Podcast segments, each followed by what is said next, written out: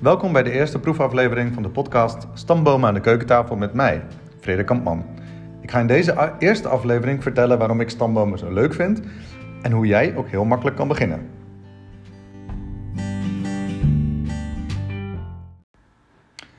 Hoe begon ik zelf? Nou, dat weet ik nog precies. Dat was in 2005. Eh, ik was net klaar met mijn middelbare school en ik moest een profielwerkstuk doen. Een groot onderzoek aan het eind van mijn schoolperiode. Met een vriendin was het eerst het plan om een kat te mummificeren. Dat mocht helaas niet van de directeur. Toen kwamen we op het spoor van een ander geschiedenisonderzoek, waarbij we in huwelijksakten doken. Ik kwam erachter hoe makkelijk het is om namen van je familie op te zoeken. Met mijn beppe had ik toen een gesprek over die familienamen. Zij lepelde met gemak namen op van haar bedovergrootouders. Ze wist verhalen te vertellen van mensen die al meer dan 120 jaar dood waren. Dat fascineerde mij. Door aanvullend onderzoek en gesprekken met andere familieleden heb ik heel veel meer informatie verzameld. Veel meer dan ik ooit had kunnen vermoeden toen ik met mijn beppe op die bank zat. Mijn beppe is afgelopen week overleden.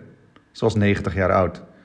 Ik draag deze podcast dan ook op aan haar, omdat zij mijn interesse in familiegeschiedenis zo heeft aangewakkerd. Ze staat op de cover van deze podcast, samen met mijn paker Frederik, naar wie ik vernoemd ben.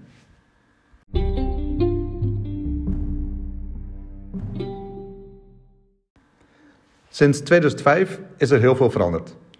Tijdens dat onderzoek zaten wij nog als twee middelbare scholieren tussen allemaal gepensioneerden in het archief. Het is nu veel makkelijker geworden om aan de keukentafel of vanaf de luie bank onderzoek te doen naar je familie. Ik vind het helemaal niet iets voor gepensioneerden. Het is veel te leuk om dat al veel eerder te weten in je leven. Nederland maakt het bovendien gemakkelijk.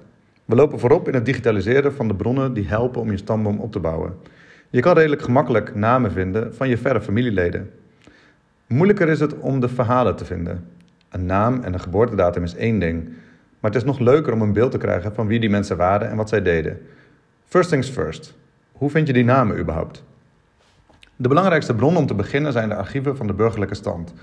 Sinds Napoleon moet je in Nederland elke geboorte, huwelijk en overlijden registreren.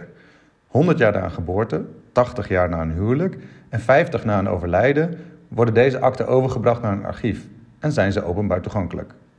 Wil je zelf dus beginnen, dan moet je namen weten van mensen die meer dan 100 jaar geleden zijn geboren of meer dan 80 jaar geleden zijn getrouwd.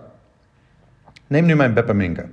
Zij is weliswaar 90 jaar oud geworden, maar dat betekent dat pas over 10 jaar haar geboorteakte in het archief te vinden zal zijn.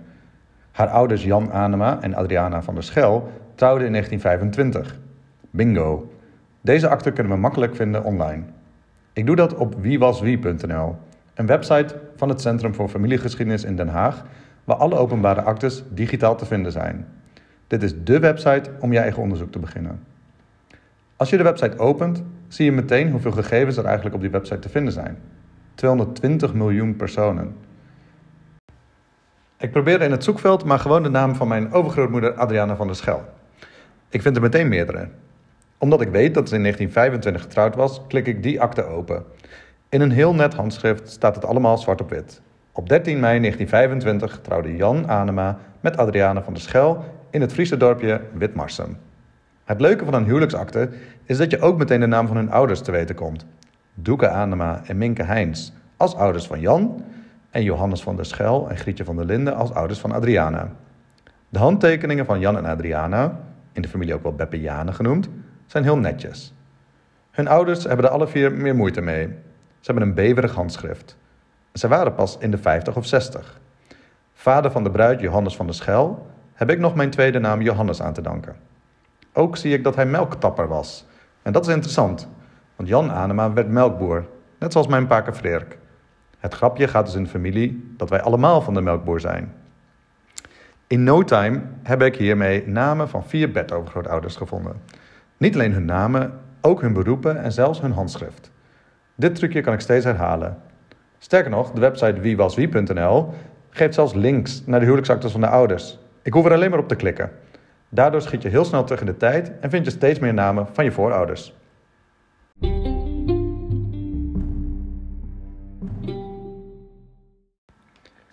Hoe schrijf ik deze informatie op? Je begint klein, met een paar namen, maar je zit al snel met een hele flinke berg. Je hebt vier grootouders, acht overgrootouders, 16 bedovergrootouders, 32, 64, 128, ga zo maar door. Een stamboom is een enorm snel uitdijend overzicht. Hou je het klein, alleen bij je overgrootouders bijvoorbeeld, dan kan je het prima op één papier nog wel kwijt. Maar als je er echt serieus mee wil beginnen, dan heb je een programma nodig. Ik gebruik je voor de gratis software altvaar.net. Altvaar met A-L-D-F-A-E-R.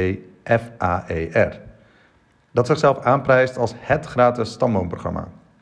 Het is een enigszins saai, grijsogend programma, maar het doet precies wat het moet doen: gegevens over je stamboom opslaan. Je begint bij jezelf en je kan redelijk intuïtief je ouders toevoegen, je broers en zussen, je grootouders en zo groeit al snel je bestand. Ik heb hier inmiddels al meer dan 9000 mensen in staan. Ik ben ook al even bezig.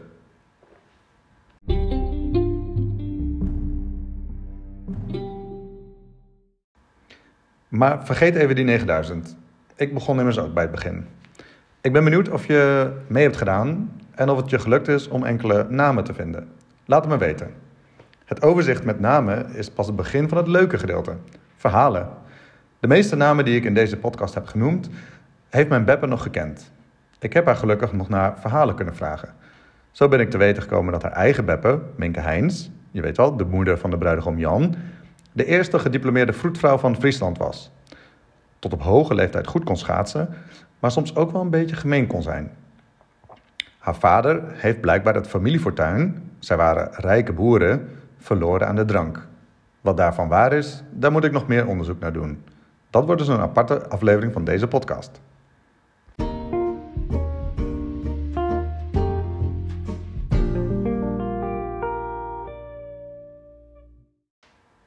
Een leestip.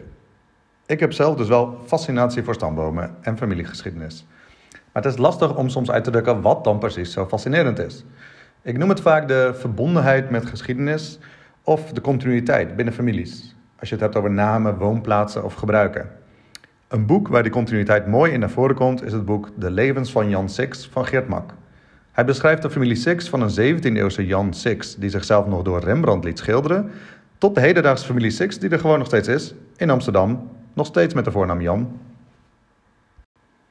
In deze eerste proefaflevering heb ik verteld hoe ik begonnen ben en wat ik er zo leuk aan vind. Mijn stamboom zit vol met kleine en grote verhalen. Verhalen die leuk zijn voor anderen, jullie, om te horen, maar ook verhalen die alleen voor mij of mijn directe familieleden interessant zijn. Ik zal jullie de lange lijst van voorouders besparen waarvan ik alleen een naam en een geboortedatum heb. Maar voor jezelf kan dat wel leuk zijn. Waar zijn zij geboren? Of waar komt die ene naam vandaan? Ik kan je daarbij helpen. Het is heel gemakkelijk. En als het moeilijk wordt, dan doen we het samen. Gewoon hier aan de keukentafel.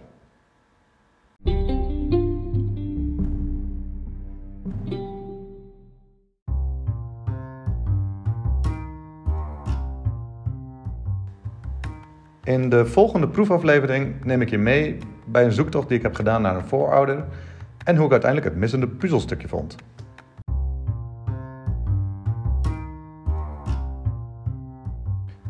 Deze eerste aflevering zit erop. Wat vind jij van de stijl en de onderwerpen? Heb jij nu zin om aan de slag te gaan of blijf je liever gewoon luisteren? En is dat een probleem? Met jouw input wil ik mijn echte podcast goed voorbereiden.